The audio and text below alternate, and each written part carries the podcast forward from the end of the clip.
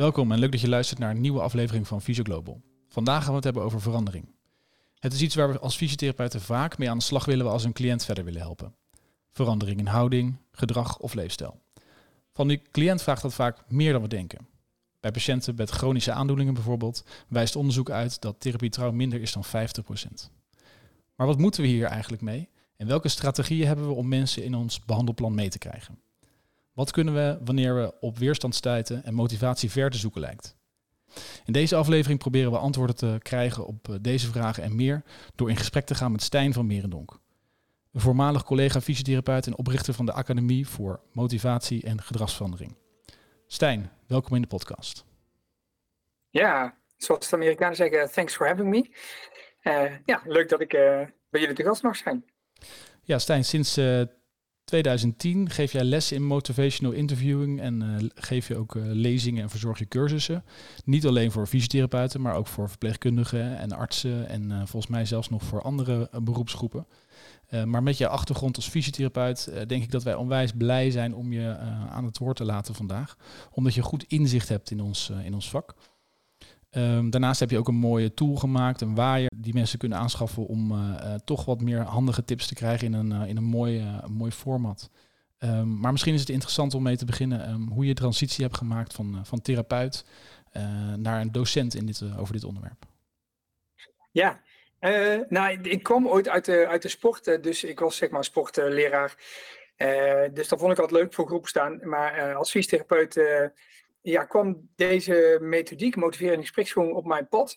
Um, en ik ben altijd wel geïnteresseerd geweest in, of gefascineerd misschien wel zelfs, door ja, waarom zijn mensen zo, ook zo ongezond? En uh, waarom, waarom zeggen zoveel mensen ja en doen ze dan nee? En, en niet alleen bij anderen, maar ook bij mezelf. Dan, dan kocht ik een boek en dan las ik het niet uit of dan begon ik niet eens. En, en, uh, maar ik merkte ook steeds meer dat ik dat fascinerend vond bij, bij, bij patiënten mijn eerste beeld van ons vak was, was veel meer van, goh, er is iets kapot en wij maken het. En dan is die patiënt tevreden. Um, maar op een gegeven moment ging ik ook steeds meer uh, richting bedrijfsfysiotherapie, leefstijlcoaching. Ja, en, en daar zat natuurlijk een hele grote brok in van ja, als, als iemand nu even fit is, maar vervolgens gaat hij weer drie maanden op de bank hangen, ja, dan zijn die klachten weer terug, of dan was die fitheid weer weg, of die belastbaarheid die dook weer omlaag. Uh, en ja, ik werd er ook steeds meer op aangesproken van, oh ja, maar we hebben toch een programma gedaan, creativity-achtige opbouw. En uh, nou is die man weer helemaal uh, in, uh, met rugklachten in puin. En ja, gaan we nou weer geld uitgeven? Dus ja, ik had toch al wel snel door van, ja, ik kan hem wel het beste advies geven, maar als hij er vervolgens niks mee gaat doen, ja, dan, ja, wat doe ik hier dan eigenlijk? En ehm, ja, ergens kwam ik daar motiverende gespreksvoering tegen en en merkte ik dat het mijn gesprekken veranderde. Ik paste wat kleine dingetjes toe. En ik merkte, hé, hey, dan krijg je ander resultaat. En uh, ja, en, meer resultaat, dat vond ik dan wel weer interessant en leuk. En op een gegeven moment werd dat duidelijk en gingen collega's uh, de moeilijke gevallen bij mij neerzetten. En uh, nou, dat vond ik dan weer een uitdaging. En op een gegeven moment gingen bedrijfsartsen vragen van, ja, maar hoe doe je dat dan? Of, nou, dus op een gegeven moment zat ik bedrijfsartsen, leidinggevende collega's te trainen eigenlijk, of erover te praten. Dat voelde voor mij niet als werk dat deed ik eigenlijk liever als patiënt te zien. Dus uh, toen merkte ik van, oh ja, wacht, nou dan, uh, dan is het misschien een stap om op een gegeven moment uh, het andere vak in te gaan. Ja. En inmiddels, ja, heel breed. van tandartsen, psychiaters, psychologen tot huisartsen en, ja, en natuurlijk fysio's, paramedici. maar fysio's voelt altijd wel als thuiskomen, als, ja, die begrijp ik altijd wat beter als, als een tandarts of als een, als een psycholoog of zo. Omdat ik dat zelf van nature niet ben. Ja. Nou, dat klinkt als een, als een vrij natuurlijke transitie uh, naar, naar, dit, uh, naar dit vak. Um, misschien voor de mensen die, die niet zo heel erg thuis zijn in motivational interviewing, kan je een klein beetje uitleggen wat het precies inhoudt? Ja, um, ja, daar zit eigenlijk ook meteen weer de moeilijkheid. In, in die zin dat uh, eigenlijk is het niet zo heel erg gek, raar en anders. Het is eigenlijk een, een heel effectief gesprek. Een gesprek die je zelf ook gewoon zou willen. Dus als, als je met iemand, als je ergens mee zit, denk ja, ga ik nou wel doen of niet doen? Of goh, ik, ik kom daar niet uit of ik doe het maar niet. Met wie zou je dan in gesprek willen? En, en hoe, hoe zou je willen dat die persoon reageert? Daar zitten eigenlijk gewoon hele natuurlijke elementen in. Um, maar motiverende gespreksvoering is ooit gestart in allerlei situaties waarin mensen juist wel hun gedrag veranderden. In de, in de verslavingszorg. Uh, nou moet ik wel goed zeggen, dus mensen in de verslavingszorg veranderden eigenlijk juist niet hun gedrag. Uh, maar ergens werden daar toch resultaten geboekt. En toen is gaan gekeken van, goh, wanneer komt een dakloze nou wel weer aan het werk? Of krijgt hij nou wel een woning? En welke mensen stoppen nou wel met harddrugs? En wat, wat is dan de overeenstemming, de, de, de momenten die dat gebeurd is? Uh, nou, en daar is eigenlijk de methodiek aan opgebouwd. Dus het is, het is eigenlijk kijken of je op een natuurlijke manier triggers kunt leggen, zodat iemand zijn gedrag verandert. Uh, en de meeste methodieken zijn gestart juist daar waar mensen niet hun gedrag veranderen. Van ja, wat kunnen we dan doen? En motivational interviewing is juist gaan kijken van goh, ja, wanneer veranderen mensen eigenlijk van nature hun gedrag? En wat zijn dan de, de momenten, de triggers? Uh, en wel, welke gesprekken hebben daar heel veel invloed op gehad? En kun je die gesprekken gewoon nadoen, in de hoop dat die triggers er weer komen en, uh, en iemand dat uh, ja, je impact hebt in het leven van iemand anders. Um, de technische verklaring zou meer zijn, ja, kijk eens of je de patiënt kunt, kunt volgen en kunt ontdekken waar die ander voor gemotiveerd is. Dus vaak is onze motivatie wel duidelijk, uh, maar is die ander daar ook voor gemotiveerd? Ja, precies. Dus eigenlijk misschien wel uh, de, de kunst uh, van het uh, gesprek voeren is eigenlijk de, de intrinsieke motivatie naar boven brengen. Ja, maar ja, dat, dat, dat is aan de andere kant ook wel lastiger als je. Dus het is eigenlijk, ja, het is vooral niet te hard aan het werk gaan, maar dan wel net de juiste dingen doen. Ja. Oké. En um, als we dan even de, de behandelkamer voor ons uh, zien. En er komt iemand uh, bij ons binnen. Wat, wat zijn dan, um, wat, wat zou nou een goede insteek zijn om, um, om met diegene het gesprek aan te gaan? Kijk, communicatie is denk ik het, het fundament van ons vak. ik zal ja. niet, de, niet de enige zijn die af en toe een gesprek heeft waarbij ik denk van, mm, dit, dit liep anders dan ik had gehoopt of had verwacht. Wat, wat, wat zijn nou de dingen waar we in eerste instantie gelijk eh, op scherp op moeten zijn als we dit willen toepassen? Ja, ja goede vraag. We hebben vaak het idee dat als mensen bij ons komen, dat ze dan ook wel uh, gemotiveerd zijn om, om hun gedrag te veranderen. Of dat ze dan ook wel gedrag willen veranderen. Uh, ja, en, en dat is denk ik niet, niet zo. Mensen willen wel resultaat, maar het liefst zonder gedrag te veranderen. Uh, ik vergelijk dat wel eens met zo'n verkoopproces. Je, gaat naar favoriete winkel en ja, ja, je wil wel wat kopen, maar ik wil niet per se kopen. Ik wil gewoon het product hebben, liefst voor geen geld. Uh, dus maar als die verkoper iets te graag wil verkopen, dan ben ik eerder geneigd om niet te kopen of minder te kopen of bij een andere te halen. Dus dat is bij gedragsverandering eigenlijk een beetje hetzelfde. Uh, mensen willen wel resultaat, hè, patiënten willen wel resultaat, maar liefst zonder gedrag veranderen. Uh, dus we gaan er vaak vanuit dat, dat mensen dat wel willen. Dat, dat zeggen ze ook vaak tegen ons. Um, maar bijna altijd is er sprake van, van ambivalentie. Oké, okay. uh, en, en maar dat is, dat is denk ik heel herkenbaar. Uh, ja. Maar hoe gaan we dan dat um, herkennen en hoe gaan we daarmee om? Ja, simpel gezegd zou je kunnen zeggen: goh, als, als, als veranderen alleen maar voordelen had, dan was die ander al lang veranderd. Tenzij die absoluut niet weet hoe, wie en wat. Natuurlijk, hè. De, de, als ik echt niet weet wat ik zou moeten doen of hoe ik het zou moeten doen, dan moet ik het hem uitleggen. Uh, maar er zit ook altijd een nadeel aan veranderen. Dus, dus je zou ervan uit kunnen gaan dat mensen op zijn, ja, op zijn minst in ieder geval ambivalent zijn. Of, of in positieve geval ambivalent zijn. En dat is dus eigenlijk twee kanten. En we hebben dan de neiging om, uh, of ze zeggen trouwens, dat kan ook nog, ze zeggen bij ons van ja, ik wil, ik wil dat graag en ik ga ook oefenen. En dan thuis doen ze vervolgens nee. Dus ze laten lang niet altijd die ambivalentie eerlijk zien. Um, ja, als het zo makkelijk was, dan, dan was iemand waarschijnlijk al lang veranderd. Dus er is sprake van ambivalentie. Um, en wij zitten met onze hele, met ons hele handelen, uh, maar ook met de setting, zitten we al vaak in de actie. Dus we stralen actie uit met een polootje, met, met uh, een blik op een oefenzaal. Uh, vaak als je in een wachtruimte zit, dan zie je de oefenzaal al door de, door de ruit heen. Dus wij stralen in alles stralen we actie uit. Uh, terwijl eigenlijk die patiënt nog ambivalent is. Hij snapt wel dat er iets moet gebeuren of zo, maar ja, we bespreken nooit die andere kant van die ambivalentie. Um, terwijl dat zou misschien wel het eerste moeten zijn van, goh ja, uh, ja, hoe belangrijk is het voor u om van deze klacht af te komen? En uh, ja, wat, wat, zou u, wat is, zijn uw gedachten uh, daarin? Wat, wat zou u willen, wat zou u niet willen? Dus, dus pak ook dat stukje van wat iemand niet zou willen of wat de nadelen van verandering zijn. Bespreek die, bespreek die oprecht ook eens en heb daar ook eens begrip voor. Dus eigenlijk hoor ik je zeggen, we moeten misschien niet te snel al uh, ons behandelplan opzeggen, opzetten en opleggen misschien. maar eerst een stapje terugnemen en gaan kijken van Ehm, waar, wat is de beweegreden voor dezegene om naar mij toe te komen? Is het niet vanwege ik wil van een pijn af, maar ik wil juist weer mijn sport kunnen beoefenen of met mijn, mijn kleinkind kunnen optillen? Uh, en dat we eerst iets meer daarop inzoomen uh, om daar meer duidelijkheid in te krijgen. Ja, en, en dat is natuurlijk ook lastig, hè? Want, want de patiënt zegt tegen ons ook van, goh ja, maar kunnen we niet meteen beginnen? Of heb je niet meteen iets wat ik kan doen? Hè? Dus die wil een soort quick win. En die doet alsof hij dat ook in de actie ja, dus het lijkt, hij, hij spant een soort valkuil op van nou, actie. Uh, maar inderdaad, als iemand zegt, nou, ik zou een sport willen oefenen, dan denk ik als eerste van, oké, dat is een logisch antwoord. Maar waarom wil je dat zo graag? En wat bedoel je dan precies met je sport beoefenen? En uh, wil je dat nu of wil je dat over drie maanden? Want dat kan ook. Dan hoef je helemaal geen oefening te doen. Dan heb je gewoon fysiologisch herstel, bij wijze van spreken. Uh, dus, dus vraag daar eigenlijk eens van die open deur vragen door. Van, goh, en waarom dan? En wat bedoel je daar precies mee? En Goh, en, en hoe zou je dat dan kunnen doen? Of heb je al dingen geprobeerd? Uh, zodat, ze, zodat ze eigenlijk ook zichzelf horen praten over waar hun motivatie zit. Ja.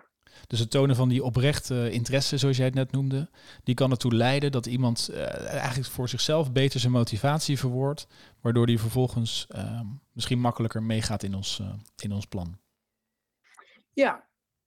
Ja, ja, dus wij, wij denken als iemand zegt, goh, dit zou ik graag willen, dan denk je, oh ja, nou prima, hup, en, en we gaan door.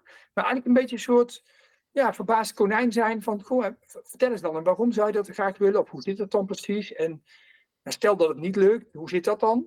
En dan hoor je snel genoeg van, oh, is er, is er echt heel veel motivatie? Uh, en, en dat kan natuurlijk ook gewoon, hè, dat, dat iemand zegt, nou, ik heb dit geprobeerd, dat geprobeerd, dat geprobeerd, lukt niet. Heb jij een tip?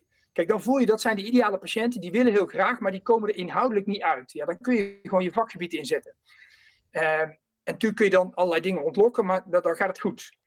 Maar heel vaak zegt iemand ook, ja, maar heb jij niet een tip voor mij? Eh, maar je voelt eigenlijk al, of als je het gesprek uitstapt, voel je van, ja, hij zei ja, maar ik weet het nog zo net niet of hij volgende week terugkomt met heel veel acties gedaan, zeg maar. Ja. Ja. Uh, ja, en dan staat hij toch in een van die eerste ja, hoeken, noem ik dat meestal, van die, uh, in plaats van dat hij echt in de actie staat. En die actie is de ideale patiënt. Dus die groep hoeven we eigenlijk niet te bespreken, want die krijg je, krijg je sowieso al mee. Maar wat als iemand... Ja, die is in ieder geval makkelijker. Die kun je ook met motiverende gespreksvoering efficiënter krijgen. Maar die, die is veel makkelijker. Ja. ja, maar stel je voor, je krijgt nu iemand voor de eerste keer binnen. En je merkt eigenlijk dat hij, uh, dat hij maar gekomen is omdat hij uh, gestuurd is door de arts. Uh, en zijn vrouw heeft ook nog gezegd dat hij moest gaan, want de arts had al gezegd. Maar diegene zelf, die, die zit er eigenlijk ja, met een half hart in. En weet niet zo goed of, of dit wel gaat helpen. Um, als we die weerstand merken, zijn er dingen die, uh, uh, die je dan kan herkennen bijvoorbeeld? Nou ja, uh, kijk, het is, het is goed om, om meteen te herkennen van hé, hey, wacht, de, de, deze is nog niet meteen toe aan actie. Ehm, en dat is misschien best wel een lastig in ons vakgebied. Dus, dus let op dat je dan ook nog niet in actietaal praat. Want wat we uit allerlei onderzoeken weten is, als je ja, zeg maar in een andere fase van gedragsverandering insteekt als waar die andere zit, ga je na een gesprek alle twee ontevreden uit elkaar. Dus als iemand er nog niet voor open staat en je gaat informatie geven, eh, ja, dan denkt hij gewoon aan ah, moeilijk, krijg nog huiswerk mee ook nog. Um, als, als iemand heel veel informatie wil en je zit dan meteen in de actie bijvoorbeeld, dan gaat het ook niet goed. Dus uh, ja, het is, het is goed om aan te sluiten bij waar, waar zit iemand eigenlijk. Uh, en weerstand wil zeggen dat je nog niet samen een gezamenlijke agenda hebt. Ik denk dat die ander 9 van de 10 keer merkt van hey, er is iemand die iets van mij wil. mensen kunnen en willen wel veranderen, maar willen niet veranderd worden. Ja, dat, kunnen wij zijn, maar dat kan ook zeker een huisarts zijn of een partner. En dan besluit iemand om de goede vrede te bewaren of zo wel te komen, maar, maar nog niks te willen. Um, nou, dat, dat herkennen is denk ik een belangrijke. En dan vervolgens zeggen, goh ja, ja nou, dat snap ik wel. Ik vind het helemaal niet leuk dat, ja, dat u iets moet voor uw vrouw. Ja, dat zou ik ook niet leuk vinden. Of uh, ja, uw huisarts die, die, ja, die heeft misschien het beste met u voor, maar u had daar gewoon heel andere gedachten over. Vertel eens, wat, wat wilt u graag? Waar kan ik u mee helpen? Um, en dan dus niet meteen beledigd te zijn als die ander zegt, ja, ik hou niet van bewegen. Of ik ben nooit een sporter geweest. Of zo, hè. Ik bedoel, hij gaat iets zeggen waar, waar wij het vakinhoudelijk niet mee eens zijn. Uh, ja, het meest mooie is als je dan bijvoorbeeld nog kunt zeggen van, nou ja, ja, u bent eigenlijk helemaal geen sporter en houdt helemaal niet van sporten. Nou, en toch hebt u de stoute schoenen aangetrokken om hier te komen. Nou, dat is wel respect. Zoiets, hè? Dan, dan geef je hem juist van, hé, je, bent bij mij, ik snap je. We gaan ook nog even niks, niks doen, je hoeft voor mij niks. Dus geef ook vooral die autonomie terug. Van, ja, van mij hoef je natuurlijk niks. Uh, het is uw leven, het zijn uw klachten. ik kan me heel goed voorstellen dat u misschien wel helemaal niks wil. Ja, als ik voor mezelf spreek, dan, dan voelt dat er ergens een klein beetje uh, tegen natuurlijk. Maar ik snap 100% wat je zegt. Want je wil natuurlijk inderdaad gelijk al van, hey, ik, volgens mij kan ik je helpen, we gaan dit doen. Maar als iemand inderdaad nog niet in die fase zit om het te veranderen, um, dan willen we hem eerst dus uh, zo krijgen dat hij zelf zijn motivatie uitspreekt en dat wij oprechte interesse tonen om vervolgens um, ja, echt tot een diepere laag te komen om te herkennen wat, wat zijn doelen of zijn wensen eigenlijk eh, echt zijn en niet de wensen die wij voor hem hebben bedacht.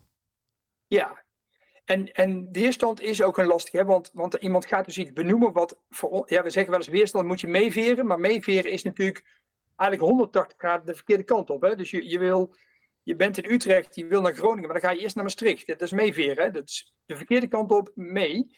Dus laat die ander dan eerst eens zeggen wat hij allemaal nadeel vindt aan veranderen waar, zit u nou echt niet op te wachten? Waar, gaan ze u zeker niet afnemen? Of waar, moeten ze zich niet mee bemoeien? En waarom dan niet? En als je dan daar zegt, ja, ja, u geniet echt van een sigaretje. Of ja, u houdt helemaal niet van bewegen. Zeker niet als het regent. Of nee, dat vindt u helemaal niks. Dus als iemand merkt van, ah, oh, die snapt mij ook gewoon. Ja, dan hoeft hij zich ook niet te gaan verklaren. Dan krijg je geen tegendruk eigenlijk. En dan kun je veel makkelijker de vraag stellen van, goh, ja, waar dat u dan toch hier gekomen bent. Of zijn er zijn er dingen waar u zelf van baalt of zich schuldig over voelt of iets waar ik u mee kan helpen? Het, het grootste voordeel in ons vak is dat iemand natuurlijk ergens, ja, iemand vindt het nooit fijn dat zijn conditie niet goed is of dat zegt hij in het begin wel natuurlijk, van, oh, ik, heb, ik heb nergens last van. Maar dat is meer uiterlijk, dat is gewoon even de, de, de deur, eh, de garagedeur dicht trekken, zodat ik niet in gesprek hoef. Maar als je oprecht met iemand in gesprek gaat en je, en je je zegt, ja, begrijp u ook dat u daar geen zin in heeft en uh, uh, nou, vertel daar eens over. Dan, dan krijg je bijna altijd nuance. Dat iemand zegt, ja, ik vind het natuurlijk ook niet zo fijn dat ik de trap niet op kan lopen of dat de conditie steeds minder wordt. Maar, ja, dat heb ik wel geaccepteerd. Maar, maar dan krijg je dus twee soorten taal naar boven. En ik vind het ook niet zo fijn, maar ja, ik heb het wel geaccepteerd. En, en dan, daar kijkt motivation interviewing inderdaad echt heel technisch naar. Van, hé, hey, dan hoor ik, uh, behoudtaal noemen we dat. Maar ik heb het wel geaccepteerd. Ik vind het prima om het te houden zoals het nu is. Maar je hoort ergens ook verandertaal, noemen we dat dan. Uh, ja, ik vind het ook niet helemaal fijn. Uh, of vind het jammer dat ik niet meer zo goed de trappen kan oplopen of zo, of zo ver kan lopen. Nou, dan zou je met die verandertaal wat meer op door kunnen vragen. Dus dat is eigenlijk als zodra je uh, zo'n uh, zo'n onderliggende, uh, of in ieder geval een, andere ehm, formulering ervan, of een andere consequentie ervan herkent, dan is dat iets waar je op in kan haken en op in kan gaan zoomen, denk ik. Ja, ja. Ja, waar zit nou de evidence achter gedragsverandering, gesprekken rondom gedragsverandering? En dat, is, dat vind ik een heel fascinerend proces. Nou, dit, dit wordt de kortste uitleg ooit, denk ik. Maar kijk, ik stel professionals altijd de vraag van wie kan een patiënt nou het beste overtuigen of motiveren? Wie, wie kan hem nou het beste intrinsiek die motivatie vergroten? Nou, uiteindelijk is het antwoord altijd ja, hij moet het zelf doen. Hij, hij, hij zal het zelf moeten. Nou, dus um, je, bent op zoek naar allerlei factoren die invloed hebben op hem. Maar hij heeft natuurlijk de meeste invloed op zichzelf.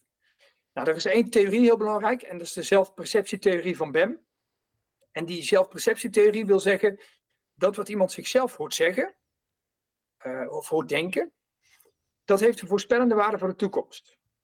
Dus als ik denk, oh, ik zal morgen wel weer pijn krijgen, en iemand is daar de hele dag mee bezig, dan weten we, ja, die pijn die wordt morgen alleen maar meer, ondanks dat hij zegt dat hij dat niet wil, maar het ja, ze zeggen ook wel eens het woord niet herkennen, de hersenen niet.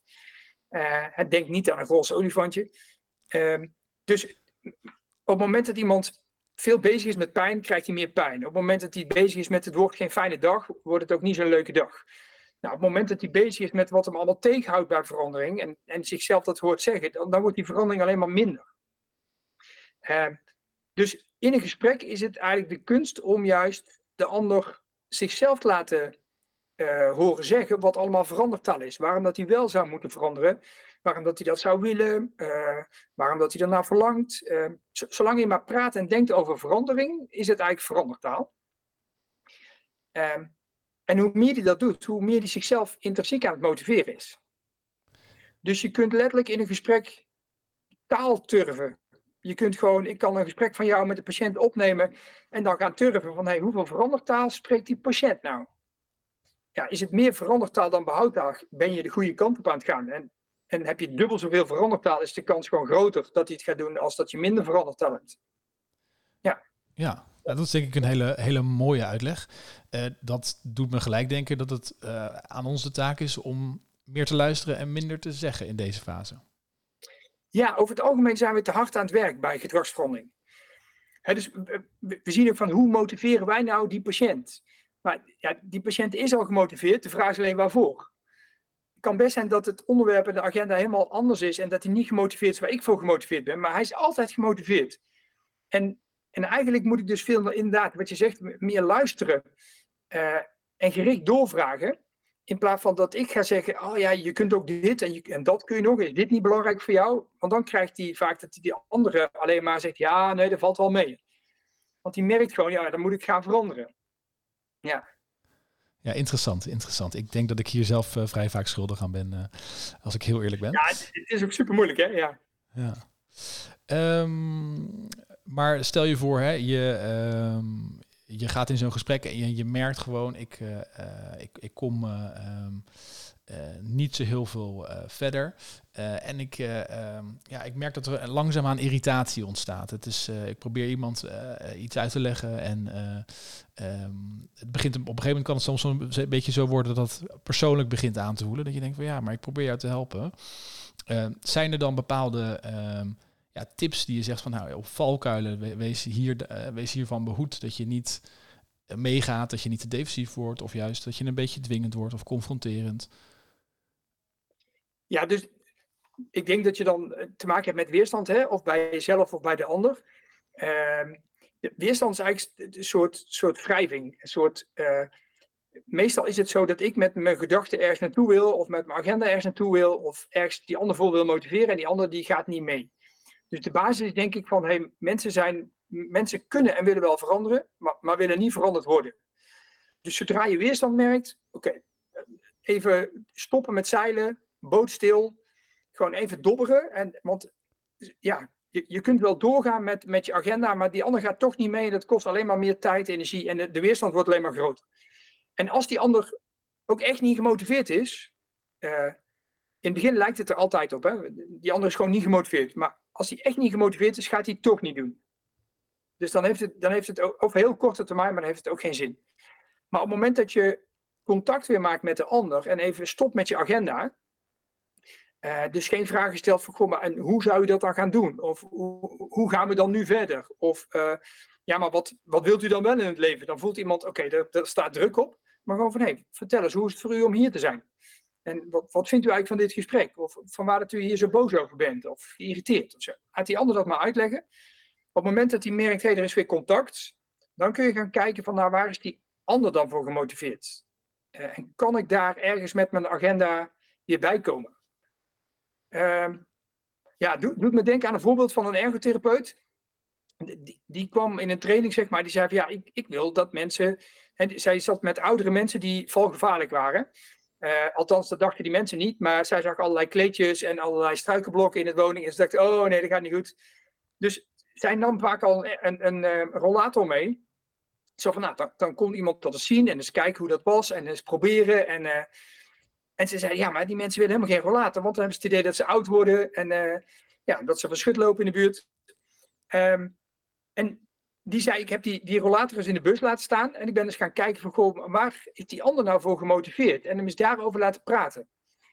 Uh, en die kwam op dag drie terug in de training. En die zei, ja, toen ik dat gewoon eens vier, vijf minuutjes deed. Toen kwamen mensen bijna altijd, en dat wisten natuurlijk zelf ook wel. Maar er kwamen mensen altijd op van, ja, ik wil zo lang mogelijk zelfstandig zijn. En zo lang mogelijk jong en niet oud. En toen vroeg ze, goh, en, en hoe, als u dat zo graag wil, hoe zou u dat kunnen bereiken? Wat kunt u daarvoor doen? Dat u zo lang mogelijk zelfstandig thuis kunt blijven wonen. Ja, en dan één, of twee minuten later zei ze, zeiden mensen bijna altijd, ja, dan moet natuurlijk niet vallen of er moeten er geen rare dingen gebeuren. Oké, hoe zou je dat kunnen oplossen? Nou, dan kwamen ze soms zelf met het idee van de rollator. Zeiden ze, nou, dan kom ik hem zo naar binnen fietsen. Dus eigenlijk even wachten met onze agenda. Uh, kan soms zelfs dezelfde oplossing geven. Soms ook een hele verrassende oplossing. Maar dat komt wel vanuit de motivatie van de patiënt. In plaats van dat wij iets willen verkopen of iets willen doordrukken wat de ideale oplossing is.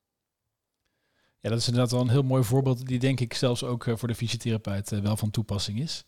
Beetje afhankelijk van de setting waar ze in werken. Maar eh, ja, dat is inderdaad wel. Dus de autonomie bij degene laten hun de beslissingen laten nemen. Betekent dat zij dus uh, als ik je goed begrijp, de, uh, ja, veel meer motivatie hebben voor, voor verandering. Ja, maar dus een laag dieper als oplossingen. Want dus als je gaat praten over, maar wat denkt u dan dat er moet gebeuren? Dan zeg je nou, wat er ook gebeurt, ga in ieder geval geen rollator. Weet je wel, dan, dan krijg je dat, hè?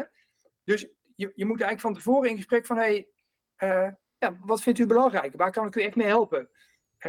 En waarom vindt u dat zo belangrijk? En als je dan daarop doorvraagt, dan kom je eigenlijk veel meer bij een andere factor van intrinsieke motivatie uit. Uh, wensen noemen we die. Uh, en als mensen hun eigen wens horen zeggen, of duidelijk krijgen, of helder krijgen, ja, dan, dan gaan ze daarna over oplossingen nadenken. Terwijl als je met oplossingen begint, zeg maar, dan, ja, dan, dan daar is iemand niet voor gemotiveerd. Dus daar bot je eigenlijk. De weerstand zit bijna altijd op die oplossingen. Terwijl als je oprecht geïnteresseerd bent waar die ander voor gemotiveerd is, daar kan eigenlijk geen weerstand op zitten. Ja, ja snap ik. Um, als je, um, als je dan uh, gaat bedenken van oké, okay, wat als we nou morgen um, ga ik weer aan het werk, ga ik weer met uh, cliënten uh, of patiënten aan de slag. Heb je een paar praktische tips die we kunnen toepassen om, om dit proces iets meer in, in, in, in goede banen te leiden? Dan kan je denken aan hoe introduceer je jezelf, hoe hoe positioneer je jezelf in de ruimte? Eh, een beetje, een beetje praktische dingen om, of hoe herken je verander of herken verandertaal? Uh, zij is er iets wat je ons mee kan geven? Ja, ik, ik denk de echte evidence achter deze gespreksmethodiek hebben, we gaan er even heel snel doorheen. En er zijn veel meer dingen die erachter zitten, veel meer nuances, et cetera, zoals ik nu natuurlijk zeg. Maar een belangrijke evidence is verandertaal. dus weet je wat verandertaal is? Welke twee soorten categorieën we hebben verandertaal? kun je het herkennen in de praktijk? Dat is denk ik stap 1. Eh, dus, dus let daar morgen eens op van hey, waar zit nu die verandertaal? Wanneer zegt iemand, ja, dat wil ik wel. En dan komt er vaak maar. Nou, dat is geen verandertaal, maar het eerste stukje ga je dat herkennen bijvoorbeeld. Uh, als je herkent waar verandertaal zit, word je ook slimmer in het niet doorvragen op behoudtaal. Dus dat iemand zegt, ja, maar daar heb ik geen tijd voor. Dat je niet gaat vragen, waarom heeft u daar dan geen tijd voor?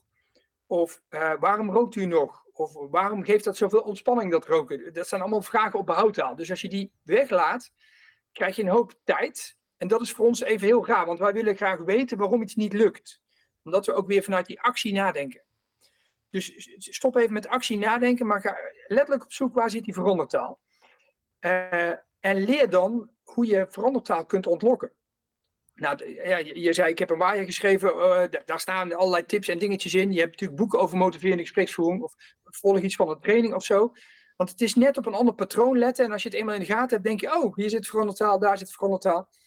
Dus uh, ja, even heel simpel, als iemand zegt, nou ja, hè, je, je, spreekt af dat iemand dagelijks uh, zou oefenen, die komt een week later terug en die zegt, ja, ik heb één dag geoefend, maar ja, die andere zes dagen is niet gelukt. Ja, waar vraag je op door? Hoe ging het toen je die dag wel oefende? Ja, precies. hè, dus hoe komt het dat het die ene dag gelukt is? Wat heb je toen gedaan en hoe was dat? Of wat voelde je toen?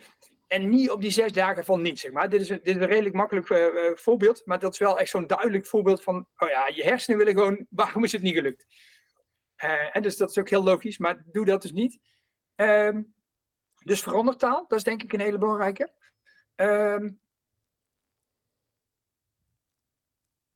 bedenk denk ik ook, we zitten allemaal in een, in een heksenketel met druk erop, met de zorgverzekering eigenlijk dit, we moeten dit nog verslagen maken, dit, dit moet beschreven worden, zo snel mogelijk, zo effectief mogelijk. En dat zet ons in een actiestand. Uh, en kijk of je die elke keer af kunt zetten. Zo van, goh, wat is het probleem? Uh, wilt u er wel iets mee? En ik heb een aantal gedachten, maar ik kan me ook voorstellen dat u daar niet op zit te wachten. Ik heb oefeningen, maar ik kan me ook voorstellen dat u daar helemaal geen zin in heeft verken ook die andere kant dus. Want veranderen heeft ook altijd nadelen. Wij doen altijd maar alsof het alleen maar voordelen heeft. Die, hè, wij zijn met de toekomst bezig, wij zien de risico's. Maar voor die ander heeft het op korte termijn zeker altijd nadelen. Dus uh, bespreek die ook gewoon eventjes. dan, dan, krijg je, dan krijg je 9 van de 10 keer dat iemand zegt, ja, het, heeft, ja, is natuurlijk niet fijn, maar het is wel goed eigenlijk voor me. Dus je krijgt alleen nog maar meer veranderd al. Ehm, en misschien tip 3, um, herken bij jezelf wanneer je, ja, we noemen dat een verbeterreflex of een reparatiereflex, wanneer je de neiging hebt om te gaan overtuigen. Om, om oplossingen aan te dragen, te overtuigen, te confronteren. Dan zeg je, ja, ja, god, ja, maar als u zo doorgaat, dan gaat het niet goed. Of ja, maar als u, als u niet beweegt, ja, dan... Uh, dus wanneer schiet je in die overtuigende modus? Even voor alle duidelijkheid, vakinhoudelijk heb je gelijk. Hè? Dus daar zit niet het probleem. Um, alleen het effect bij gedragsverandering is op het moment dat ik ga zeggen tegen jou bijvoorbeeld, ja, weet je hoe je beter een podcast kunt maken? Dan ga jij 9 van de 10 keer meteen denken, ja, hoezo gaat dat dan zo slecht? Of uh, hoezo gaat het dan niet goed? Of, dus jij gaat meteen in de verdediging. Nou, dat zie je bij ambivalentie, maar bij gedragsverandering eigenlijk altijd gebeuren. Op het moment dat ik ga overtuigen, uh, gaat die ander eigenlijk tegenargumenten geven. Nou, dan krijg je dus veel behoud aan en loop je eigenlijk juist weg van verandering. Dus herken bij jezelf nou eens, hé, hey, wanneer doe ik dat nou? En schrijf misschien één of twee reacties op die je dan wel zou kunnen doen. Dus als iemand, um, ik, ik verzin even iets, als iemand heel veel suiker eet of zo, of heel veel eet s'avonds, dan heb ik de neiging om te zeggen, ja, je zou eigenlijk s'avonds nou net niet, zoiets hè. Oké, wacht, herken ik die bij mezelf en wat zou ik dan wel kunnen doen? Uh, en bijvoorbeeld zeggen, goh ja, uh, benoemen wat het iemand oplevert. Ja, dan, dan heb je eigenlijk behoefte aan ontspanning of zo. En, en, uh, of dan vind je het juist lekker om wat te eten. En wat zijn momenten dat het je wat beter lukt om van het snoepen af te blijven of zo? Snap je? Dan heb ik een variant bedacht in mijn eigen hoofd dat ik niet in die reparatiereflex schiet, maar iets anders doe. Um, nou, dat zijn in ieder geval al drie concrete tips, misschien wel ja, zeker. Ja, zeker. Wat, uh, wat het denk ik uh, als bij mij als eerste reactie op uh, wekt is dat, dat, oh, ik moet veranderen. Want dit is niet hoe ik het standaard doe. oh ja, maar ja, merk je hoe, hoe streng dat is? Kijk, normaal gesproken in een, in een, nu is dat heel raar, want ik zie niemand, ik zie de luisteraars niet en ik hoop dat dit helpend is en dat ik precies insteek op iets waar je wat aan hebt. Maar ja, je voelt hoe, hoe gevoelig dat het is. Dus als ik zeg, hier heb je een tip, en dan denk jij, ja, doe ik het niet goed dan? Ja, precies hè. Nou, dat is niet precies wat ik bedoel, maar het, het, geeft, het, het, het, uh, het wekt zeker wel reflectie op. Want het is, eh, ja, zoals ik al zei, communicatie is denk ik echt een fundament van, uh, van wat, wij, wat wij hebben. We hebben natuurlijk geen, we doen geen operaties, we maken geen foto's. Dus we moeten het met onze ja, mond, handen en, en verstand doen. Um, en hoe, hoe de nuances liggen, die zijn inderdaad, als je er heel veel ervaring mee hebt, dan kan je ze gelijk herkennen. Maar uh, zoals je zelf al terecht zei, zo'n podcast als deze zal zeker mensen niet uh, volledig uh, bekwaam maken om motivational interviewing in te zetten. Maar dit zijn denk ik wel hele praktische tips om in ieder geval een keertje mee te gaan starten. Om, ja, om het wel te gaan herkennen. En ehm, dit, dit, klinkt misschien allemaal wat negatief van hey, tips of dat soort dingen. Maar ik vind het fysio's juist eigenlijk ja, dit heel goed kunnen. Uh, kijk, wij, wij hebben de mogelijkheid om in een kamer met iemand in gesprek te gaan, of in een oefenzaal, uh, maar ook even buiten te wandelen. Dus dan krijg je al hele andere soorten gesprekken als uh, bijvoorbeeld een tandarts, waar je ook nog gereedschap in je mond krijgt, of een psycholoog waar, waar je tegenover elkaar zit. Dat is best wel bedreigend. Ehm, we hebben ook de mogelijkheid om even iemand te laten oefenen en dan na zo'n oefening, in intensieve oefening of zo, is iemand veel minder geëmotioneerd, of die weerstand is wat minder, of je, uh, je krijgt toch een andere modus. Uh, en we hebben natuurlijk gewoon de mogelijkheid om aan iemand te zitten. We kunnen tegen iemand zeggen, nou ga even liggen. Je kunt iemand bij wijze van spreken masseren en, en met zijn kop in het gat krijg je hele andere gesprekken als een psycholoog. Dus, en we hebben ook nog relatief veel tijd. Hè. Een, een tandarts heeft maar heel weinig. Een, een, specialist in een ziekenhuis heeft echt maar acht minuten of zo. Uh, ja, voor zijn hele gesprek, laat staan voor gedragsvorming. Um, dus elke professional heeft minder tijd als dat hij zou willen. Uh, ik zeg niet dat je te veel tijd hebt en het is altijd een uitdaging. Maar ik denk dat, dat wij als fysio's natuurlijk gewoon heel veel mogelijkheden hebben om dat goed te kunnen. We zijn ook behoorlijk empathisch als doelgroep, als, als beroepsgroep, sorry. Uh, dus ja, wij, wij kunnen als geen ander denk ik invloed hebben op, op patiëntengedrag. Uh, dus dat vind ik interessant en mooi. En met een paar kleine dingetjes zul je merken van, oh ja, wacht, dat helpt. En, met, en dan, dan wil je vanzelf weer meer of iets anders. En als je er wat in gaat verdiepen, merk je gewoon, het hoeft ook niet allemaal. doe alleen maar iets meer van dit of iets meer van dat. En in één keer merk je, oh wacht, het heeft net een ander effect. Oh, dan kijken of ik nog iets kan doen. En zo bouw je die, die dingetjes gewoon op, ja. Er schiet me trouwens nog één tip te binnen. Ik had hem, uh, ik had hem uh, opgeschreven en ik, ik zat even te spieken. Uh, we hebben vaak het idee dat, dat iemand intrinsiek gemotiveerd is als hij weet waarom het belangrijk is en als hij het kan. en we weten inmiddels al heel lang dat intrinsieke motivatie opgebouwd werd uit vijf factoren. En, en dit zijn vaak de dingen die als eerste gehaald worden. En, en hier besteden wij toch veel tijd aan. We zitten heel vaak met uitleggen op waarom het belangrijk is en, en hoe iemand het zou moeten en kunnen doen. En vaak besteden we alleen onze tijd eraan. Maar vragen ook iets door op, op waar verlangt iemand naar? Wat is zijn onderliggende wens? En waarom wil hij graag van die pijn af? Wat kan die dan weer? Nou, dat doen we ook nog wel eens. Maar vraag ook eens het vertrouwen. Van, goh, hoe, hoeveel vertrouwen heeft u erin dat u de komende drie weken elke dag een keer gaat wandelen? Of elke dag die oefeningen doet? Want wat we ook weten is als dat vertrouwen heel laag is, valt het gedragsverandering ook terug. Dus te weinig vertrouwen, geen lange termijn gedragsverandering. En als laatste eigenlijk de noodzaak.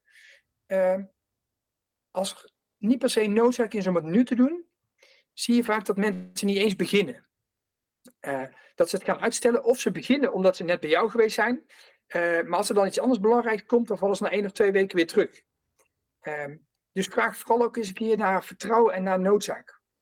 Twee andere aspecten van uh, intrinsieke motivatie. Dit doet me sterk denken aan de, wat ze bij mij op de opleiding de, de Big Five van de illness beliefs noemen. Dus oh, eigenlijk is, komt dat inderdaad wel, sluit dat al mooi hierop aan. Maar inderdaad ook wel iets heel goed om daar ehm, af en toe weer even de nadruk op te leggen. Ik denk dat we door onze uh, ervaring zien dat we uh, met misschien de eerste twee al bij een hele grote groep best ver komen. Waardoor die andere drie misschien uh, ja, toch op de achtergrond verdwijnen. Maar of dat nou terecht is, dat, dat vraag ik me bij deze hardop af. dus ja, nog een hele mooie tip. Dankjewel. Ik weet niet of er nog tijd is voor één voorbeeldje. Zeker. Oh ja, als ik hem trouwens nu introduceer, dan ga ik niet meer terug misschien. Maar de, mijn mondhygiënist bijvoorbeeld, die besteedt altijd al haar tijd aan twee factoren. Ik kom bij mijn mondhygiënist, die kijkt in mijn mond en die zegt, oh, oh, oh, dat, gaat, oh gaat niet helemaal goed. En dan gaat ze weer uitleggen waarom het belangrijk is om te stoken, om te poetsen, et cetera. Uh, en hoe ik het moet doen. En elk half jaar kom ik terug en dan kijkt ze in mijn mond en zegt, oh. En dan gaat ze weer, denkt ze, oh, geen tijd te verliezen. En elke keer gaat ze inderdaad uitleggen waarom en uitleggen hoe ik het moet doen. Ja, en als ik heel eerlijk ben, ja, daar zit niet het probleem. Ik, ik kan prima stoken en poetsen. Ja, ik doe het alleen te weinig volgens haar of zo. Uh, dus zij, zij, vraagt nooit aan mij hoeveel vertrouwen heb jij erin, Stijn, dat jij de komende half jaar één of twee keer per dag gaat stoken? En als ze daarop doorgaat, dan denk ik, ja, ja, ja, nee, de vertrouwen is niet zo groot. Want ja, ik kan best wel eens een weekend niet mee bezig zijn. En dat, maar dan zet ze mij enorm aan het nadenken, maar dat doet ze dan niet. Ik help haar ook altijd een handje. Dan zeg ik altijd van, oh, is het niet goed gegaan? Oh, vertel eens. Ja, en dan gaat zij weer aan de slag. Ja. Ja, dus eigenlijk had zij, zou zij op dat moment alle uh, dingen neer moeten leggen en met jou het gesprek aangaan over uh, waarom je er geen vertrouwen in hebt en uh, wat er zou kunnen gebeuren als je het niet doet en ja, enzovoorts eigenlijk. Ja, precies. Ja. ja. nee, ik, ik, wil je onwijs bedanken. Ik vond het een hartstikke leuk gesprek. En ja, nogmaals, dit zal echt niet voldoende zijn om um, om uh, dit morgen helemaal toe te kunnen passen. Maar het geeft denk ik wel een kijk van waar kunnen we nou eens anders een gesprek insteken om meer te bereiken uh, in minder tijd. Dus het lijkt iets wat ons tijd gaat kosten. Maar ik vermoed dat als we dit goed toepassen, dat het ons onwijs uh, veel tijd kan gaan schelen. Ehm, het is alleen wel iets waar we bij onszelf moeten investeren om het ja, wat makkelijker te maken. Ehm, maar ik vond die tip van het opschrijven van, hey, ik heb dat gemerkt vandaag.